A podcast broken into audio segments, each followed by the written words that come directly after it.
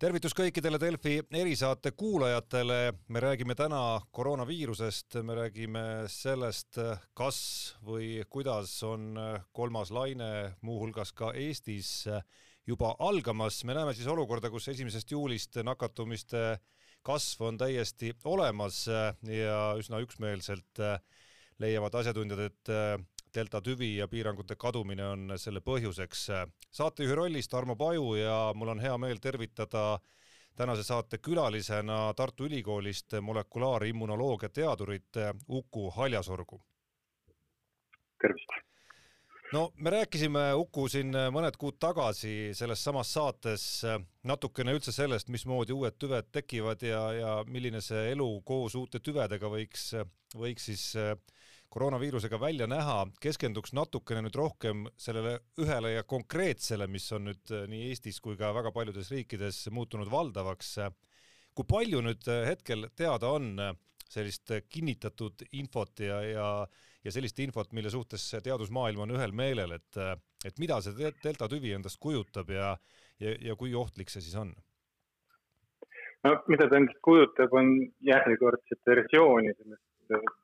poolteist aastat tagasi alguse saanud viirusest. aga noh, põhihirm temaga seoses on see, et ta levib lihtsalt niivõrd palju paremini kui algne versioon. ja, ja ka see Briti versioon, mis, kui mäletate, ühel hetkel lihtsalt võttis kõikides äh, ümbruskonna maades lihtsalt üle selle algse, algse versiooni et kõik nakatumised ühel hetkel olid äh, selle alfa tüvega uue nomenklatuuri järgi ja nüüd tegelikult, kui me Eestis vaatame, on vist äh, kaheksakümmend protsenti on selle delta tüvega, et ta, ta levib oluliselt paremini kui äh, see Briti tüvi, alfa tüvi. Ja inimestel, ta paljuneb inimestes ka äh, väga palju paremini kui nüüd see algne viirus, et üks uurimustöö väitis, et lausa, et nendest ninaneeluproovides, mis võetakse, et seal on tuhandekordne vahe viiruse osakeste arvus et, et see ei ole puhtalt sellepärast, et inimesed lähevad mingi, mingil kindlal hetkel testima, vaid see viirus tõesti paljuneb inimeste organismis kiiremini ja paremini. nüüd haiguskulgu selle kohta on raske veel hetkel öelda, kuna praegu on väga paljud inimesed on juba vaktsineeritud, kui me Euroopas vaatame, et siis tundub, et vaktsineeritutel ta esiteks rasket haigust ei põhjusta. Ja ühelt poolt räägitakse ka sellest, et tegemist on vähem ohtliku versiooniga, võib-olla et ta ei ole nii surmav, aga siin me peame samamoodi silmas pidama seda, et äh, põhigrupp, keda Covid maha niidab, ehk siis äh, vanemaealised, need on nüüd peaaegu kõigis Euroopa maades vaktsineeritud. Ja, ja praegune statistika pigem tuleb selle pealt, et Äh, või arvamus, et võiks olla natukene vähem tappev, äh, et noori ei sure, aga see on hästi niisugune keeruline pinnas või, või ei tasu nagu nii kergelt asja võtta, et äh, varasemalt lihtsalt noorte peal ei ole neid uuringuid nii palju ja nii põhjalikult tehtud ehk siis, kui korrektsem oleks võrrelda seda, et noh, näiteks alfa ja delta tüve puhul, et, et kuidas ta käib ringi, ma ei tea, tuhande või saja tuhande Äh, nakatunud kahekümne aastasega, et siis kas, kas siin on erinevusi või ei ole? Vot selle jaoks on natukene vara veel. et seda, seda, see ongi täpselt see, et me ei tea, kas ta on Briti tüvest või alfa tüvest äh, surmavam. et äh, selle, sellega nüüd läheb natukene aega, enne kui need tulemused kuhugi tulevad, kuskilt tulevad ühest äh, New York Timesi teadusrubriigi artiklist jäi mul hiljuti meelde fakt, kus, kus räägiti siis just sellest äh, delta tüve sellest osast, et kui hästi ta edasi kandub, et, et siin ei ole ju, ju teadlastel mingisugust kahtlust, et, et, et selles osas eristub ta eelmistest tüvedest väga tugevalt, et, et see näide, mis seal toodi, oli nii-öelda kinnitatud nakatumisjuhtum, kus kus piisas, ütleme siis sellisest kümnesekundilisest äh, allameetrisest äh, lähikontaktist poemüüjaga näiteks, et äh, on see, on see tabav illustratsioon sellele delta tüve jõulisusele? Ma arvan küll, sellepärast et isegi kui te vaatate, et kust ta esile kerkis, see delta tüvi, ta kerkis esile Indias ja seal just ta levis väga kiiresti isegi väliüritustel, mida näiteks varasemate eh, tüvede puhul ei ole nii hästi märgatud, et eh, esi, esimesest lainest, mis Euroopast üle käis, üks uurimustöö, mis mul meeles on, seal umbes neljasajas kinnitatud koldest tegelikult kuus äkki olid välitingimustes. ehk siis eh, praegu tundub, et see Covid Indias on suuteline või on olnud suuteline levima ka välitingimustes, mida varasemad tüved väga ei teinud. ja, ja see kümnesekundiline lähikontakt poemüüjaga, kui see on kinnitatud juhtum, siis mul tegelikult ei ole põhjust kahelda selles, et eh, see ka tõele vastab ehk sisuliselt me peaksime arvestama sellega, et äh, noh, Hoia äpp, kui see, kui see kunagi tehti, siis, siis seal -hmm. selleks kontaktiks raaliti ju ikkagi, kui ma nüüd peast õigesti mäletan, kas, kas oli see viisteist minutit lausa ja, ja kaks meetrit, mille puhul said signaali, et oled olnud koos, koos nakatunud, koroonasse nakatunud inimesega, et, et see on nagu hoopis teine maailm. jah, kordades kordades erinev, et ma ei, ma ei kujuta ette, kui palju neid kümne sekundi juhtusid on. Aga see võis olla ka otsene aevastus näkku, et siis piisab ka poolest sekundist. kindlasti on äh, oluliselt nakatamis, nakatamisvõimelisem see uus tüvi, see delta tüvi, jah. no see näide, mis sa rääkisid äh, Indiast siis nendesamade nagu välisõhus nakatumiste kohta, et et see peaks panema justkui siis ka meie kandis päris palju mõtlema väliürituste korraldajaid, välikohvikutes olijaid ja, ja, ja kõike seda, mille puhul me oleme tükk aega arvanud, et et noh, seal nakkust saada on ikka väga ebatõenäoline. noh, siin me peame kindlasti arvesse võtma ka väliürituste iseloome, iseloomusid Eestis ja Indias, et noh, need usuüritused, mis seal aset leiavad, need on väga-väga tiheda äh, asustus või noh, niisuguse rahvahunnikuga. ja, ja Eestis ma ei kujuta ette, kui hästi või kui, kui palju selliseid üritusi üldse toimub. et kindlasti tasub ja ettevaatlik olla ja, ja noh, siseüritused, mina endiselt ei käi näiteks väga paljudel siseüritustel just seetõttu, et eh, ei soovi nagu kuidagi edasikandjaks osutuda või iseendale külge saada, kuigi ma olen vaktsineeritud Äh, kui me nüüd vaktsiinide juurde liigume, siis äh, milline see parim teadmine praegu vaktsiinide tõhususe osas on, mis puudutab sedasama delta tüve, et, äh, et justkui peaks töötama, aga, aga siin käivad ringi erinevad protsendid, küll ütleb üks uuring ühte ja küll teist? no praeguste tulemuste põhjal võib üsna julgelt väita, et kõik neli kasutuses olevat vaktsiini kaitsevad väga hästi, küll aga käib asjaga kaasas see klausel, et vaktsineerimiskuur peab olema lõpule viidud. et äh, ühe süstiga nii Pfizer, Moderna kui ka äh, AstraZeneca kaitsevad üsna madalal tasemel, aga just nende sümptomite tekke eest. aga kindlasti tulevad nad kasuks äh, raskekujulise haiguse ärahoidmisel ja kahe süstiga on see tõhusus ligi, ligikaudne tegelikult äh, algse tüvega, et ei ole nagu või, või selle alfa tüvega, et ei ole nagu väga suuri kääre seal vahel. et äh, õnneks siiamaani kõik vaktsiinid, mis on välja töötatud, et nad on äh, tõhusad ja hoiavad ära rasked, rasked juhud kindlasti kuidas neid äh, protsente üldse mõistma peaks, ma usun, et, äh, et enamik kuulajaid, lugejaid on kuskil puutunud kokku lausega, ma ei tea, kas Andres Meritsa, Irja Lutsari mõne, mõne artikli äh, kaudu, et, et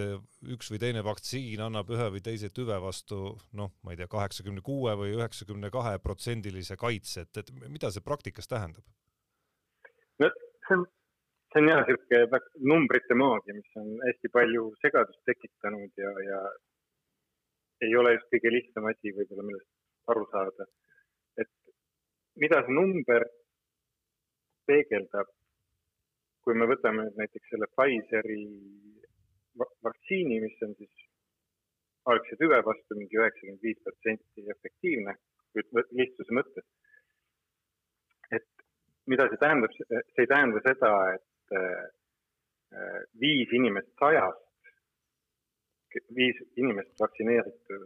sajast inimesest nüüd saavad kindlasti selle haiguse endale. et üheksakümmend viis ei saa ja viis saavad. see tähendab seda, et äh, see üheksakümmend viis protsenti tähendab, et igal indiviidil on võrreld-, vaktsineeritud indiviidil on võrreldes vaktsineerimata inimesega äh, siis üheksakümmend viis protsenti väiksem tõenäosus haigus külge saada. Ehk see vahe on siin, ütleme siis kahekümnekordne. et ma võin siia noh, lihtsalt näitena tuua selle Pfizeri kliinilise uuringu, mis nad tegid ligikaudu neljakümne tuhande inimese peal. ja, ja siis jagasid pooleks, kes said vaktsiini, kes said platseebot. ja, ja kokku neljakümne tuhande inimese peale said Covidi tollel hetkel sada seitsekümmend inimest selle uuringu käigus. ja neist üheksakümmend viis protsenti ehk sada kuuskümmend kaks olid platseebo grupis ja kaheksa ehk siis viis protsenti olid selle vaktsiini saanud äh, inimeste hulgas. et sealt need numbrid tulevad, aga need numbrid iseloomustavad loomulikult, et nad iseloomustavad niisugust äh, ideaalmaailmas läbi viidud katset, nagu meil äh,, ma ei tea, füüsikatunnis me mingi valemi rakendusel ei arvesta õhutakistust ja nii edasi ja nii edasi, et kliin, kliinilistes katsetes on ka igasugune kontrollitud tingimused teised. no see vahe on ikka, ütleme, päris erinev, kakskümmend korda. jah, ja, ja, ja vaktsineerit-, noh, kui sa mõtled veel selle peale, et seal oli kakskümmend tuhat inimest ja neist kaheksa said haiguse külge endale et see tegelikult on siis veel noh, tõenäosus, et sa vaktsineerituna saad või noh, võimalus, et, et see on veel väiksem, mingi sada korda, kui see noh, viis protsenti seal. ja sealt siis edasi omakorda on siis nagu järgmine number või järgmine protsent ehk siis see, mis tõenäosus on, on jõuda haiglasse. nojah, ja siis ongi see, et kui sa saad ka selle haiguse külge, siis tõenäosus, sul on jällegi kakskümmend või kakskümmend viis korda väiksem tõenäosus sattuda haiglasse sel, äh, võrreldes siis vaktsineerimata inimesega. aga noh, põhiline, põhiline nende äh, vaktsiinide puhul ongi see, nad ära, hoiavad ära selle raske haigestumise. isegi kui vaktsineeritud inimene saab endale sellest, ta on külge saanud, ta saab äh, nohu, väikese palaviku, paar päeva istub seal, et see, see ei tee talle suurt midagi. aga just neid raskeid juhte eh,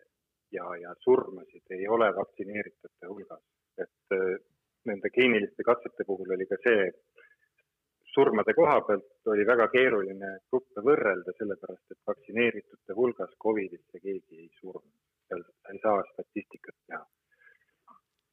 nagu me saate alustuseks eh, rääkisime nii Eestis kui ka veel mitmes riigis on äh, hoolimata noh, ütleme poole või, või isegi enama elanikkonna vaktsineerimisest nakatumiste tõusu näha.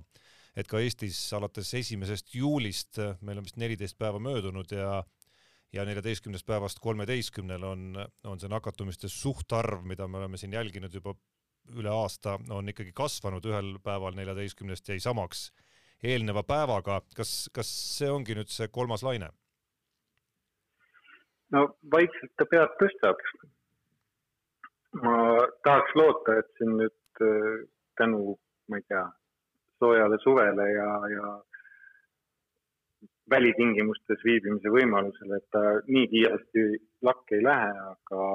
seda ei oska öelda, et täpselt see, et praegu on mõnes mõttes on piirid lahti, seda saab sisse tuua, mis see umbes kolmandik kõigist neist juhtudest praegu tuuakse sisse välismaalt reisidelt või siis äh, keegi, jah, turistid. et äh, ma väga-väga loodan, et see algus nihkub ikkagi veel edasi ja seniks, kuni me saame veel suurema hulga inimesi vaktsineeritud. et praegu Eestis töötatakse sellel suunal väga edukalt kuidas see laine välja võiks nüüd näha, et olukord on ju mõnes mõttes ikkagi teistmoodi kui, kui eelmiste lainete ajal, kui, kui vaktsineerimine ei olnud ju tegelikult veel teema, et, et nüüd me räägime olukorrast, kus äh, ühest küljest viirus on muutunud äh, noh, jutumärkides tublimaks, hüppab palju kergemini ühelt inimeselt teisele, isegi välisõhus viibides. teisest küljest elanikkonnast ikkagi noh, pool või mingisugune arvestatav osa vähemalt, vähemalt Euroopa riikides on vaktsineeritud ja, ja justkui väga olulise tõenäosuse arvelt või, või, või jaol kaitstud selle, selle raskema versiooni ja haiglasse jõudmise eest, et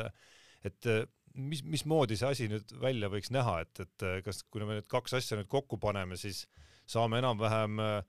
sellise potentsiaalselt samasuguse ja sama kõrge laine või, või pigem väiksema või hoopis suurema? No nakatumise hulk on kindlasti nüüd kolmanda lainega oluliselt keeru, keerulisem kindlaks määrata, sellepärast et noh, vaktsineeritud inimesed, nagu mina ütlesin ja, ja tegelikult on igal pool välja ka mujal öeldud, et vaktsineeritud inimesed on kas asümptomaatilised või põevad kergelt ja nad ei pruugi jõudagi äh, sinna äh, kuskile diagnoosimiseni äh,. Juhtima hakkab seda kolmandat lainet, noh, kui ei tule mingit hullemat versiooni välja, kindlasti see delta, delta versioon. Ja, ja iseenesest on see nüüd väga hea niisugune mm, lakmustest praegu olemasolevatele vaktsiinidele siin ka, et vaadata, kui tõhusad need ikkagi, ikkagi on, et minu ennustus on, et suurem osa haiglasse sattunutest nüüd kolmanda laine ajal on vaktsineerimata inimesed või siis vaktsineeritud inimesed, kellel on kas mingid kaasuvad haigused või, või noh, kõrge ea tõttu immuunsüsteem ei suuda viirusega korralikult toime tulla. et mm, kahju, kahjuks jah, et see tuleb niisugune kõrvalt jälgimise numbrite mäng, et ma ei, ma ei kujuta ette, kui, kui hea seda vaadata saab olema, aga hea on see, et kui on palju inimesi vaktsineeritud, siis isegi vaktsineerimata inimeste puhul, et see, need pidurid on vahel. et eh, kui vaktsineerimata inimene suhtleb vaktsineeritud inimestega, et siis ei ole seda, vaktsineeritud inimene tõenäoliselt talle seda haigust edasi ei anna. võimalus on olemas, aga, aga vaktsineeritud inimesed kannavad seda viirust lihtsalt nii palju, nii palju vähem. et äh, sealt nakatumist on väga keeruline juba kätte saada. ja mis on natukene raske selle kolmanda laine puhul, on see, et mitmel maal on juba hakatud nõudma vaktsineerimistõendit tõendit läbipõdemise kohta äh, või tõendit hiljutise negatiivse testi kohta. Prantsusmaalt tuli just niisugune uudis, äh, osadel maadel, noh, sa ei saa restorani sisse minna. et äh, mõnes mõttes mm, saab see väga-väga keeruline ülesanne olema valitsusele, kuidas kommunikeerida nüüd olukord niimoodi, et, et vaktsineerimisest te või ainult võidate mitte, et kui te ei vaktsineeri, siis te jääte oma elust ilma. et, et see saab olema üks äraneetult keeruline ülesanne tõesti. et rõhutada seda, seda nii-öelda võidu poolt, mitte kaotuse poolt. just, just ja, ja noh, kui hakkab, kui see kommunikatsioon, kommunikatsioon untsu läheb, siis tegelikult tulemus on see, et riigis rahulolematus lihtsalt tõuseb, inimesed hakkavad väga-väga palju mässama selle olukorra vastu. et eh, see on, see on nagu minupoolne niisugune väike hirm. Aga ma tõesti loodan, et valitsus saab eh, liikvele selle koha pealt end ka. Aga kui me selle viiruse juurde naaseme, siis eh, sa mainisid ka korra juba sellist noh, seda olukorda, kus siis toimub see reaalne kontakt näiteks vaktsineeritu ja, ja vaktsineerimata inimese vahel, kellest no oletame siis see vaktsineerimata inimene on, on ka nakkuse saanud, et et justkui mingi päris suure tõenäosusega on sellel ahelal nagu pidur peal, mitte küll absoluutne, aga see, see tundub ju üsna tõenäoline ja, ja ei pea olema väga suur ekspert, et ennustada, et olukorras, kus meil on, meil on ka ühiskonnas ikkagi mingid väga selged grupid, kus vaktsineerimise äh, tase on madalam, et siis nendes kohtades äh, ja Eestis kahtlemata üks, üks neid gruppe on venekeelsed elanikkonnad venekeelne elanikkond ja, ja, ja, ja Ida-Virumaa piirkond, et et, et nendes piirkondades hakkab see viirus kindlasti pead tõstma, esiteks see ja teisalt ja teisalt need kogukonnad ja need inimesed hakkavad ju päris tihedalt ka omavahel lävima, et et noh, kasvõi ma ei tea, T1 Selveris näiteks, kus justkui kus justkui, mille kandis elab justkui ühest küljest nii venekeelseid elanikkonna kui ka, kui ka eestikeelseid elanikke mm. -hmm. Jah, see, see, see valitsusel nüüd väga keeruline ülesanne ees ongi, et kuidas me kuidas me saame koos eksisteerida niimoodi, et need kaks, kaks inimgruppi, kes on vaktsineerimata ja, ja kes on vaktsineeritud, et me saaksime liigelda ühtedes piirkondades, et noh, samamoodi noh, distantseerumine, maski kandmine, et need, need vahendid endiselt aitavad väga hästi. aga no kui, kui sa mainisid seda venekeelset elanikkonda, siis siin on minu arust noh, ongi kõige suurem niisugune möödalask. et, et meil on riigi tasemel, minule endiselt tundub see meie ja nemad poliitika. et see kuidagi, kuidagi püsib ikkagi veel elus ja ja see on see põhjus, miks Ida-Virus praegu eh, on olukord selline, nagu ta on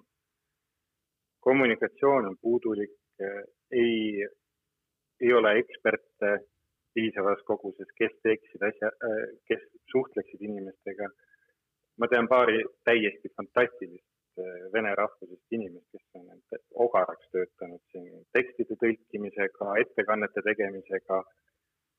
mille kõigega veel, aga neid inimesi on vähe ja mis mulje mul on, on see, et neid ka väga aktiivselt ei otsita et need, kes on, neid kasutatakse. et äh, kui seda meie ja nemad poliitikat viljeleda niimoodi, et siis tegelikult tuleb nende hulgast hakata otsima rohkem ja aktiivselt äh, inimesi, kes võiksid olukorras kaasa rääkida ja noh, selle näitega ma muidugi ei tahtnud mingisugust meie-nemad telge tekitada, aga, aga noh, see on selgelt üks selline äh, üks selline tunnus, kus, kus vaktsineerituse osakaal ikkagi, ikkagi erineb päris tugevalt, loomulikult on on päris mitukümmend protsenti vaktsineerituid äh, venekeelsete elanike seas ja on päris mitukümmend vaktsineerimata ka eestikeelsete elanike seas mm. -hmm. ja, ja minu, minule see meie ja nemad poliitika absoluutselt ei, ei istu, ei meeldi. See on, ma, ma tõesti loodan, et selle, et see kriisi lahendus, et see on nagu selle jah, et see peab olema lahendus kõigile Eestimaa rahvastele, mitte ainult sellele klikile, kus meie sünniõiguse, meie sinuga sünniõiguse järgi kuulume, et seda peaks kõik, kõik, kõiki keeli rääkivatele inimestele äh, suutma edastada ma saate lõpetuseks korraks võib-olla natukene üldisemaks viiks selle jutu veel, et, et siin paar nädalat tagasi sai loetud ühte, ühte artiklit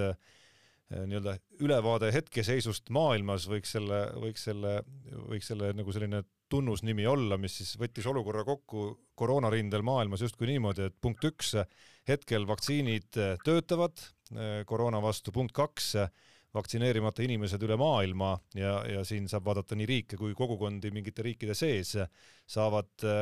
nii selle tüve kui ka ilmselt järgmiste tüvede poolt päris kõvasti räsitud ja punkt kolm, mida kauem siis punkt kaks veel kestab, ehk siis meil on väga palju maakera peal vaktsineerimata riike, inimkondi, miljoneid inimesi, seda tõenäolisem on see, et see viirus jõuab muteeruda lõpuks ka selliseks, kus, kus see vaktsiin ei pruugi enam väga kaitsta, et praegu oleme delta juures ja lambdast on jutt ja kusagil tähestiku otsas on oomega ka veel juba. Ma kõigepealt vastan sellele viimasele punktile, et äh, see kaitse, vaktsiinide kaitse uute viiruse variantide vastu, et siiamaani tundub siiski, et see ogavalk, mille, mille põhjal tegelikult kõik need vaktsiinid on arendatud välja, et mingid jupid sellest on sellele viirusele rakku sisenemiseks nii olulised, et ta ei saa neid muuta ja, ja inimestel tekib selle ogavalgu nende juppide vastu immuunvastus. ehk siis me, me oleme endiselt olukorras, kus vaktsiin töötab ja, ja viirus ei pääse siiamaani ikkagi vaktsiini loodud immuunvastusest mööda. ma väga loodan, et ogavalk on endiselt ja need piirkonnad on endiselt viirusele nii olulised, et äh, ta ei saa seda muuta niimoodi, et vaktsiinid kaotavad oma toime täielikult ära. et mingi väike muudatus, langus tõhususes, jah, see on, see on võimalik, aga, aga kas mõni, mõni versioon nüüd päriselt vaktsiinist hakkab läbi minema,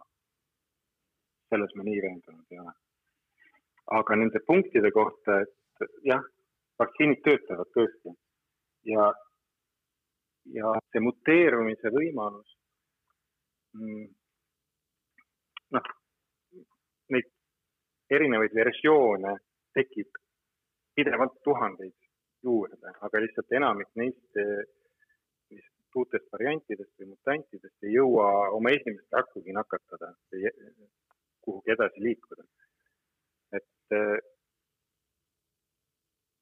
selle koha pealt meil on üpris, üpris hästi aga et tõesti, kui tuleb nüüd mingisugune versioon, variant, mis hakkab vanadele inimestele lisaks hakkab ka noori maha võtma või äh, neil tõsisemat haigust põhjustama, et siis me oleme omadega pisut jännis. et äh, kui me saame inimesed vaktsineeritud, ütleme seitsmekümne protsendi ulatuses, kaheksakümne protsendi ulatuses, siis on see tõenäosus oluliselt väiksem, viirus ei jõua lihtsalt Äh, vaktsineeritud inimestest nii palju paljuneda. tal ei ole selleks aega, et äh, uusi mingeid mutante välja töötada. et immuunsüsteem võtab ta lihtsalt varem, varem maha, et ta ei pääse sealt kuhugi edasi aga noh, globaalses mõttes tähendab see, et me räägime ikkagi Aafrikast ja, ja veel paljudest arengumaadest, kus hädasti oleks, oleks vaja samamoodi, ütleme siis tegelikult abi teistelt riikidelt. jah, selle jaoks oli tegelikult olemas väga vinge initsiatiiv nimega COVAX, aga just niisuguste äh, edukate riikide tõttu ei õnnestunud selle COVAXi missioon, nende missioon oligi see, et saaks üle maailma võrdselt jagatud need äh, algsed vaktsiinid, aga praegu on olukord selline, kus käputäis eh, kõige jõukamaid maid, mille hulka ka meie kuulume, on siis eh, ligi üheksakümmend protsenti vaktsiin, kõigist vaktsiinidest endale saanud. millal need vaktsiinid Aafrikasse jõuavad, kas praegu on enamikes riikides paar protsenti ainult see vaktsineerituse tase? ma ei oska ennustada. ma loodan, et ühel hetkel WHO, ÜRO, ükskõik mis, missugused rahvusvahelised ühendused hakkavad oluliselt rohkem ka sellele tähelepanu pöörama, et seal saaksid inimesed vaktsineeritud ja oma eludega normaalselt edasi minna. no natuke teoritiseerides siia lõppu veel, et kas on ka selline võimalus nüüd teadlase pilguga, et, et mingites riikides,